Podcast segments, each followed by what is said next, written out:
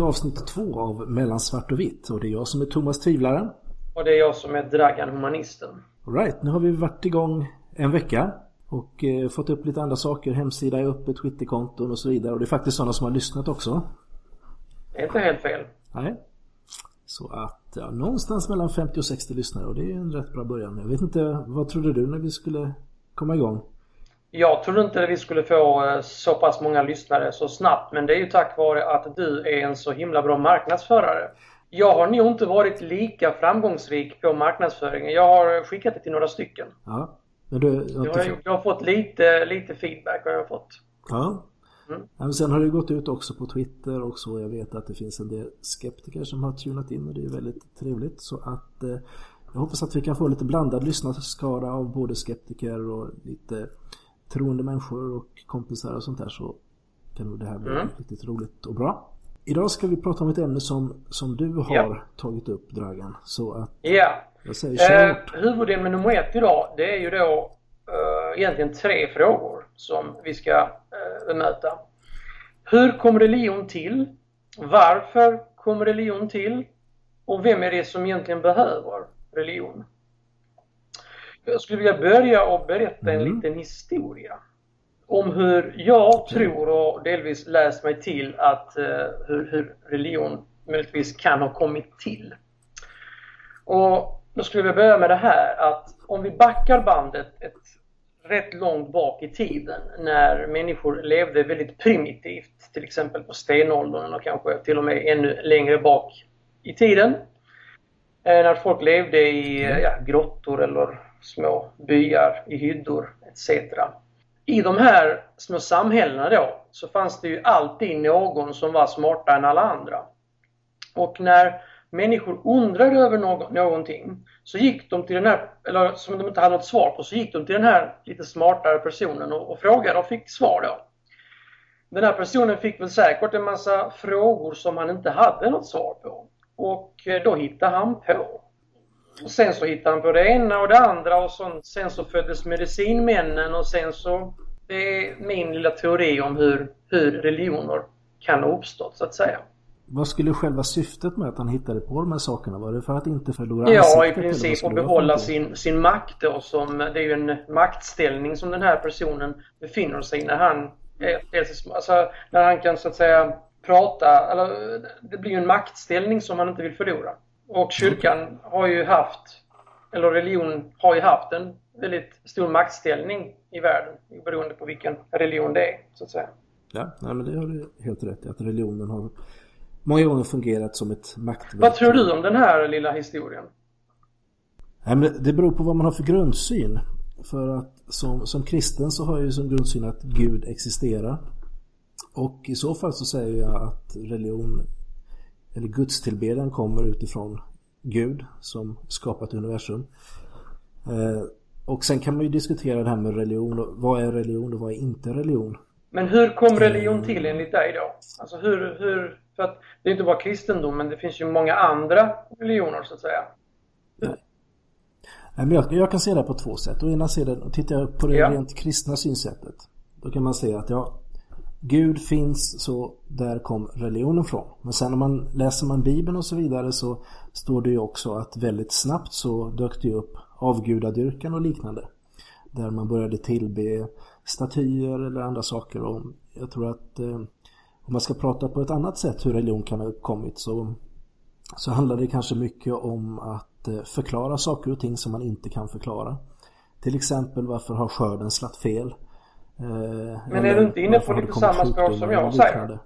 Ja men det är, jag säger att det finns två, två synsätt och de kan också ha fungerat parallellt. Alltså, det skulle det kunna vara så här att, att äh, människan har haft en relation till en, en skapare eller till en gudom som de har haft en relation till.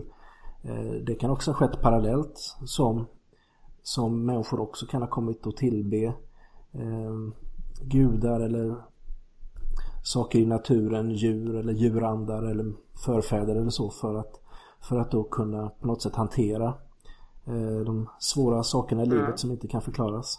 Uh, ja, det finns ju två synsätt. Vilket, stå, vilket är du närmare? Så att säga? Som sagt, jag är en tvivlande kristen men det, det svänger ju ändå över på att jag är troende så att eh, på det sättet så på det sättet så är det ju den här saken som du pratar om att eh, man kom till den gamle mannen som, mm. Som hittade på någonting. Det är ju inte relevant för min tro. Men vad är det för, vad är det för fel Däremot på den, att, alltså den, den teorin? Nej, det är inget fel på den överhuvudtaget. Men den är inte relevant för mig som kristen. Okej. Okay. Du som, som kristen då så att säga. Men innan kristendomen kom, allt det, alla de här religionerna som fanns innan dess, var det liksom nonsens bara eller vad? Men eh, som kristen tror man ju på något sätt att det har funnits en, en gång ända tillbaka från, mm. från början på något sätt. Det är en rätt svår fråga förstås när man går bakåt i Gamla Testamentet och var man hamnar och vad man tror är myt och inte. Men på något sätt så eh, tror man väl att eh, människan har haft en relation eller en kontakt med då den skapande guden, mm. vad man vill säga. Och jag menar innan Jesus kom så så givetvis då kanske man inte kan prata om kristendom i, i den bemärkelsen men eh, vad man sätter för ord på det hela spelar ingen roll. Nu kallar vi oss kristna därför att ja, vi tror på Jesus som, som Kristus och Guds son och så vidare. Eh, men det, mm. det är ju en gudstro eh, helt enkelt som, som finns bakåt i historien. Okay. Ja, ja. Eh, det var din lilla förklaring. Mm. Det var lite tankar ja, Vi har väl eh, lite två olika synsätt på det här helt enkelt och det får vi... Ja, Nej, men det, det jag menar är att jag kan helt klart se ditt synsätt. Jag tror också att det kan ha fungerat något liknande också. Eh, Med de andra religionerna kanske? Eller? Nej, men... Eh, sen kan man... Det är ju väldigt svårt att säga om man tittar till... Det finns ju, som du säger, många många stora religioner förutom de judisk-kristna mm. eller Abrahams religionerna, vad man ska säga, judendom, kristendom, islam. Jag har ju mindre kunskap får jag erkänna när det gäller eh, de österländska religionerna. Men eh, och exakt hur man kanske tänker sig okay. att de har uppkommit. Nej, jag står nog kvar vid min. Det är, det är att jag tror att det är så det har gått till helt enkelt. Jag kan, jag kan inte se någon logisk ja, visst, nej, men... annan förklaring liksom. Nej, men om det inte finns någon... Då är det det enda, på det enda sättet det... som det kan gå till egentligen. Nej, det är nog inte det enda men det är ju det är en förklaringsmodell som kan kännas eh, på något sätt logisk. förståelig och eh, logisk. Mm. Kanske. Nästa fråga då. Varför mm. kom religion till? Eller i ditt fall kristen. Varför kom kristendomen till? Vad, hur tänker du Jag kan inte säga religion. Alltså i och med att du är en varför? tvivlande kristen du är ju troende i viss mån kan man väl säga. Så därför, var, varför, varför kom kristendomen till och vad, vad är det för poäng med den? Liksom? Syftar du på varför Jesus kom till det, jorden? Det vet jag. Alltså, alltså, det, det, det, alltså den sagan, den sagan Då får du ber, berätta gärna det för mig. Var, var, ja men varför kom Jesus då? Alltså det är ju ett påhitt. Alltså jag, han kom ju för att rädda världen, gjorde han inte det? Mänskligheten. Ja, eller rädda... Ja, precis. Rädda dig och mig, ja.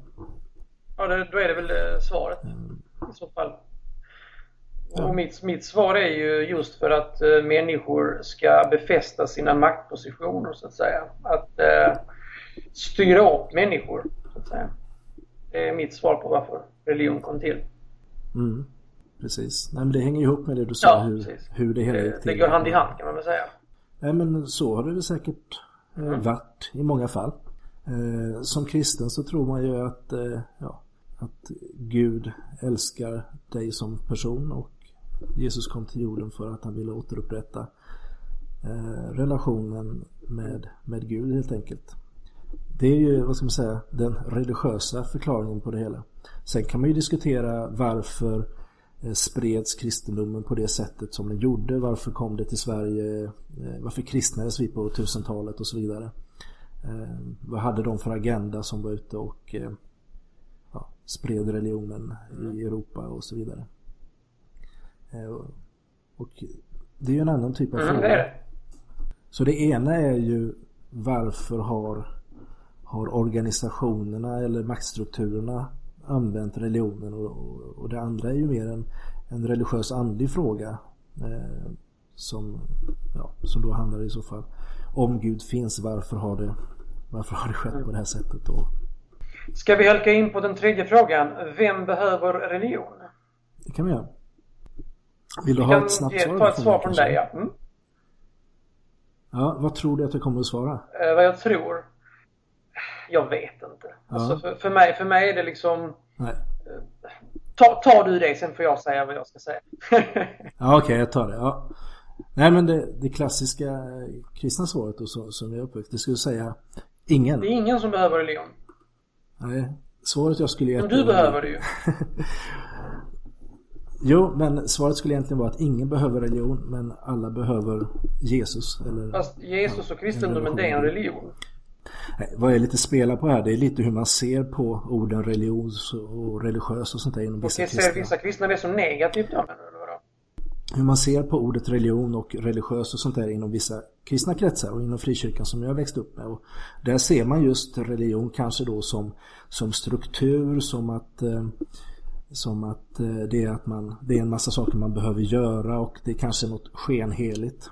Medan att vara kristen eller troende eller så, det är, det är ett personligt och innerligt eh, relation med Gud. Och man vill inte beteckna sig som religiös eller att man utövar någon religion utan man ser sig som troende. Så att eh, Det är väl lite hur man kan okay. se på de begreppen.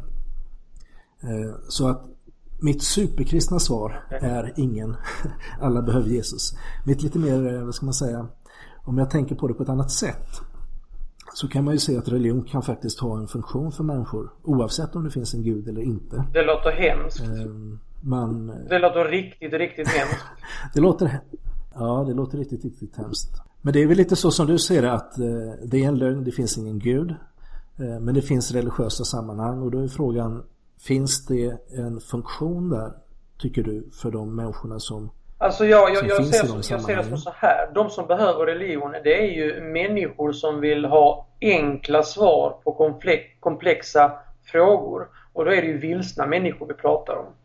Men om du tittar till exempel inom de österländska traditionerna, buddister och så vidare. De sitter ju och mediterar över sådana här motsägelsefulla saker som ja, man kan sitta och på att säga, stirra ut i tomma intet i, i åratal och försöka men, få svar på. Men det, det är ju för att de inte vet bättre. Annars hade de så. inte gjort det du sa. Men det finns väl lite olika. Vissa religiösa rörelser kommer väl kanske med de enkla svaren. Gör inte alla? Att, det? att det är svart.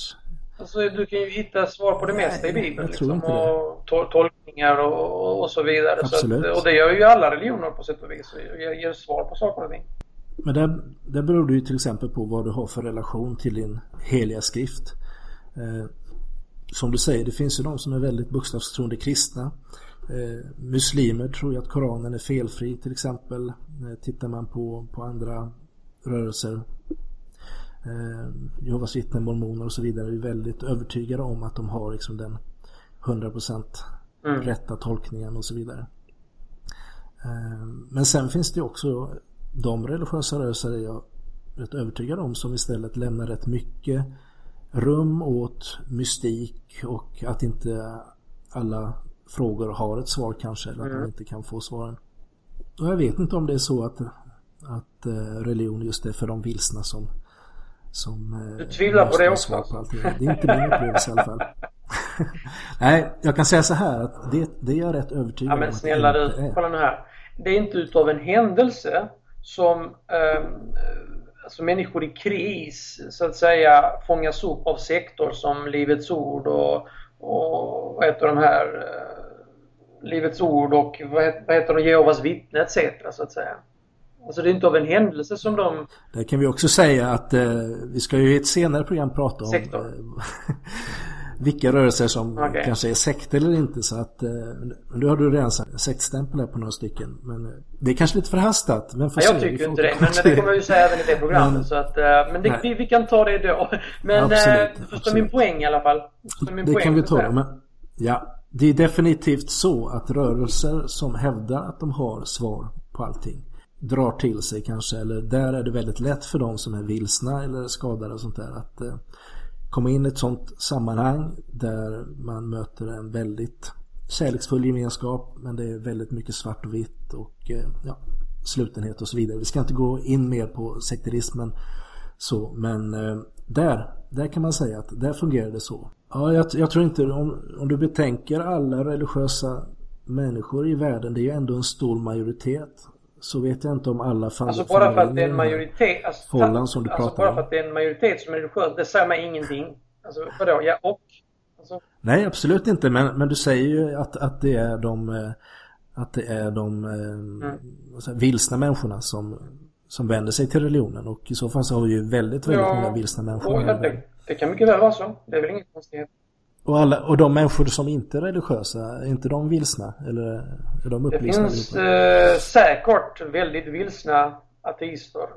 Som det, finns, alltså det finns ju vilsna människor överallt så att säga. Men eh, just i den här frågan, alltså när man, när man köper så enkla fantasier och sagor då, då, söker man någonting man inte kan få så att säga och, och får det via de här sagorna och skrifterna då och, och även kanske efter konsultation med någon präst eh, och så vidare. Ja. Vi får nu vara nöjda med det. Vi nöjda där? För vi måste vidare i programmet och eh, det har kommit in lite frågor också vilket är väldigt kul. Och vi har fått en fråga här från, det är jag som har fått en fråga från Charmkvark. Som en tjej som bloggar på skeptic.se som är en skeptisk blogg och även är med och sänder podcasten Kvack som är nyheter på skeptiska. Eh, jag lyssnade faktiskt på senaste avsnittet eh, idag. Och det tog bland annat upp auraläsning och även bebisar som hälsokost i form av små piller. Och det är lika häpnadsväckande och läskigt som det låter. Eh, så missa inte det. Men just frågan som jag fick då, det var att vad skulle jag helst vara? 100% troende eller 100% ateist? Det är en mycket intressant fråga.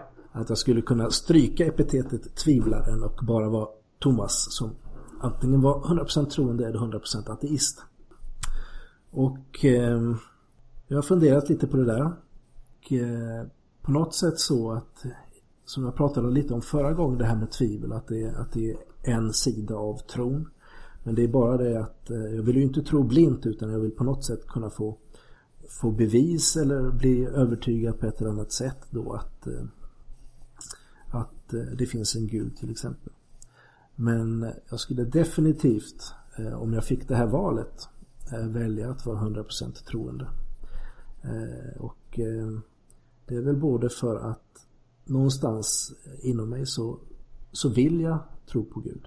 Och känns också som eh, det är lite svårare. Alltså, har, det, har det med din uppväxt att göra att det känns tryggare eller var, varför vill du det? Det ligger säkert bland annat i min uppväxt om man, om man ska prata på hur jag, hur jag känner rent känslomässigt. Det, så det är en man... sorts gemenskap med så att säga familj och kanske vänner, alltså där man har väldigt mycket troende? Alltså, jag har kanske inte den... Jag lever kanske...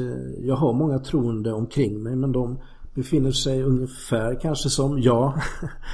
Ehm, de har också börjat tvivla. jag, jag känner rätt många gråa personer. Eh, men som är troende och som lever som kristna. Men jag har inte egentligen några sådana här superkristna, jättesvartvita människor runt omkring mig. Eh, som jag kanske hade när jag var yngre. Mm. Eh, men däremot så, så det handlar väl om om jag skulle kunna få uppleva och känna att jag hade en stark gudsrelation och en tro och sånt där så skulle jag tycka att det var någonting eh, absolut värdefullt. Eh, sen känns det som det är eh, för mig som tvivlare så känns det som att det är nästan svårare att komma till 100% tro än 100% ateism. Eh, eftersom man då gärna vill se de här bevisen och det är ju i stort sett ja, det, är, det är väldigt svårt att på empirisk väg eh, bevisa att Gud existerar eller logiskt eller något sånt där. Det går ju inte utan det är i så fall en eh, ja, en övertygelse, en tro eller något sånt där och det, det eh, står ju också i Bibeln att tron är en gåva och skulle jag få den gåvan att vara troende så skulle jag definitivt ta emot den. Det var ett långt utförligt svar. Ja, jag lovar att det skulle vara långt så jag tänkte jag ska inte bara säga ja. Men nu har jag ja, okay. lite om det så att vi går vidare och jag har faktiskt en fråga till dig också. Mm. Från Ulf och han frågar Kan man vara en tvivlande humanist? Till skillnad från ditt förra svar som var väldigt långt så har jag ett väldigt kort svar här och det enkla svaret är nej, det kan man inte vara. Okej. Okay. Det var ord och inga eh, För att som, som humanist så, så, så, att säga, så tror du på vissa... Alltså du, du tror inte på Gud helt enkelt och då, då, då tvivlar du inte. Nej. Men eh, du tror att... Eh... Jag tror att allt det här med religion och, och, an, och annan form av vidskepelse, för jag ser ju det här med religion, det är ju vidskepelse alltså. Ja. Jag ser det som vidskepelse. Men det är inte så att du ibland eh, kommer för att du, att du tvivlar på den, eh, det synsättet? Alltså, jag har ju inte alltid varit humanist. Nej. Så jag har ju bakåt i tiden kanske jag skulle ha vid en viss period kallat mig för eh, agnostiker skulle jag säga. Och då är det ju en form av tvivlare. Mm. Du går så han kanske finns, han kanske inte finns. Du går ut en självklar natt och tittar upp i himlen och, och ser liksom universums storlek och... Idag så är svaret nej, alltså nej. jag tvivlar inte. Fine. Och som humanist så kan du inte göra det. Nej. Vi tänkte prata om en annan sak också, ett brännande ämne och eh, som har varit under veckan här och det är Uppdrag gransknings reportage från, eh, från var det åtta eller tio moskéer i Sverige. råd. Ja, precis ja, där man har det två kvinnor iklädda nikad tror jag det heter. En, nikad. En, ja, precis. Har varit och frågat om råd hos imamer och sagt att de har att deras man har en andra fru, att eh, de har blivit slagna och att eh, han kräver sex från dem fast de inte vill. Och mm. Eh, du såg det här reportaget, Dragan? Ja, det gjorde jag. Och eh, tyvärr, jag vill säga, så fra, framkommer ju saker och ting där som inte, som inte är riktigt rumsrena i Sverige. Eh, de flesta imamer tycker inte det är konstigt att eh, den här mannen då vill ha fler fruar för att man får ju faktiskt ha fyra inom Islam. Ja det stämmer och det, det framkommer ju också i SVT Debatt och så vidare och om man läser på lite att eh, enligt Islam så är det tillåtet att ha fyra fruar under vissa omständigheter då. Mm.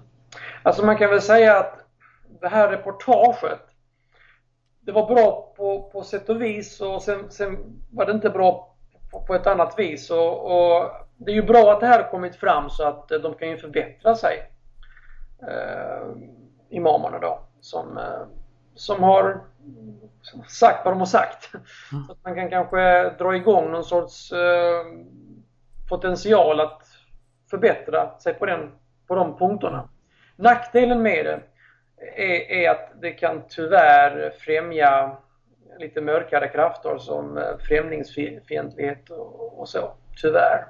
Jo, nej men så blir det ju när något sånt här dyker upp. Det... Och det är ju tråkigt.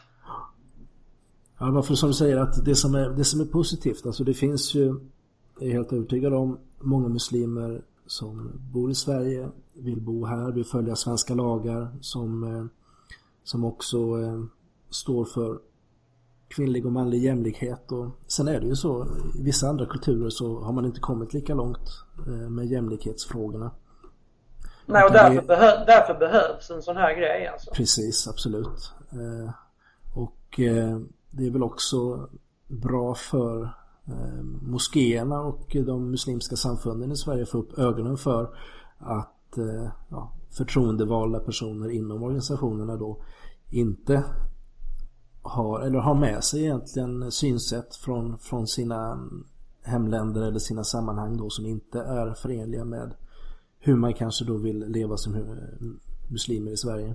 En, en trist sak som eh, kom fram i debatt eh, det var ju att eh, de här muslimska männen de var ju väldigt upprörda att det här hände, alltså åt den här typen av granskning så att mycket av debatten handlade så att säga handlade om hur fel det var att, att utföra den här typen av granskning istället för att bemöta huvudfrågorna som faktiskt handlar om kvinnans jämlikhet och att eh, där såg det inte så bra ut så att säga.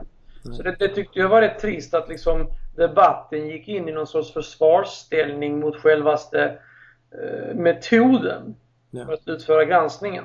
Ja, det håller jag absolut med dig om och det, det var ju väldigt mycket så att, eh, att man satt och försvarade sin egen moské eller sammanhang eh, och mm. pratade jättemycket om hur man hade det där istället för att prata om just sakfrågorna egentligen. Ja, precis. Så att, och det var ju, det, det, det tyckte jag var lite märkligt. Så att, mm. så. Sen, det är svårt när det kommer så här direkt på också. Det är, det är såklart det är en chock för, för många av de här eh, religiösa ledarna och så vidare. Och, eh, man kan ju hoppas i alla fall att längre fram framöver att det kan bli mer fokus på, på eh, sakfrågorna. Mm. Jag hoppas att detta kommer så att säga mynna till något positivare. Ja, och eh, jag är själv lite spänd på, jag, berättade ju förra gången att jag lyssnade på en, en del olika podcasts. Och eh, en podcast som jag faktiskt har lyssnat rätt mycket på den senaste tiden är en muslimsk podcast från Hikma-institutet. Går att hitta på iTunes också. Jag har den laddade Instacast. Och eh, det är faktiskt väldigt intressant att, att höra, eh, lyssna lite på vad de har att säga. Eh, den är rätt så modern skulle jag vilja säga. Och som kristen också så kan det vara lite spännande att höra skillnaderna. De hade bland annat en liten fråga om vad man ska göra med sin gamla koran som har blivit sliten och inte går att använda längre och frågade om man kunde slänga den och det var ju absolut förbjudet att slänga den bland annat skräp utan den skulle brännas. Och tittar man jag skulle ha väldigt svårt att bränna en bibel till exempel. Det är någonting som, ja det är kanske det här med att bränna böcker överhuvudtaget men bibeln ännu mer då. Mm. Men slänga en gammal bibel, det skulle du kunna göra men det, det var ju helt annorlunda där. Eh, och sen så även att höra avsnitt där de pratar om Jesus då som är en viktig profet inom islam och de tror också att i den sista tiden ska Jesus komma tillbaka till jorden och så vidare och eh, det finns väldigt mycket intressant att lyssna på där om man är eh, nyfiken. Så Hikma institutet kan ni kolla in och det blir spännande att höra om de kommer att ta upp de här frågorna som har dykt upp med Uppdrag granskning också så att kan man lyssna in på deras interna samtal. Härligt! Härligt med lite reklam för andra poddar. Vi får hoppas på att Hikma kanske gör reklam för oss också. Ja, precis. Och Kvack har vi ju pratat lite om här och skeptik ja, Skeptikerpodden givetvis eh, värt att lyssna på. kom ett nytt avsnitt nyligen också. Um, så att, och sen, ja, jag får slå ett slag för Filip och Fredrik också. Deras senaste avsnitt är helt sanslöst. Och jag gråter blod bara för att jag hade biljetter att se dem i onsdags när det var i Lund. Men här gick jag och lallade runt och glömde det hela. Eh, och blev väldigt ledsen i ögat. Ja, jag är inte lika förtjust i Filip och Fredrik som Thomas är dock, vill jag tillägga. Okej. Men du kanske kan bli? Alltså jag har ju tittat på dem lite grann på TV och eh, ja, de kan ju vara underhållande ibland men ibland tycker jag de kan vara väldigt jobbiga. Ja.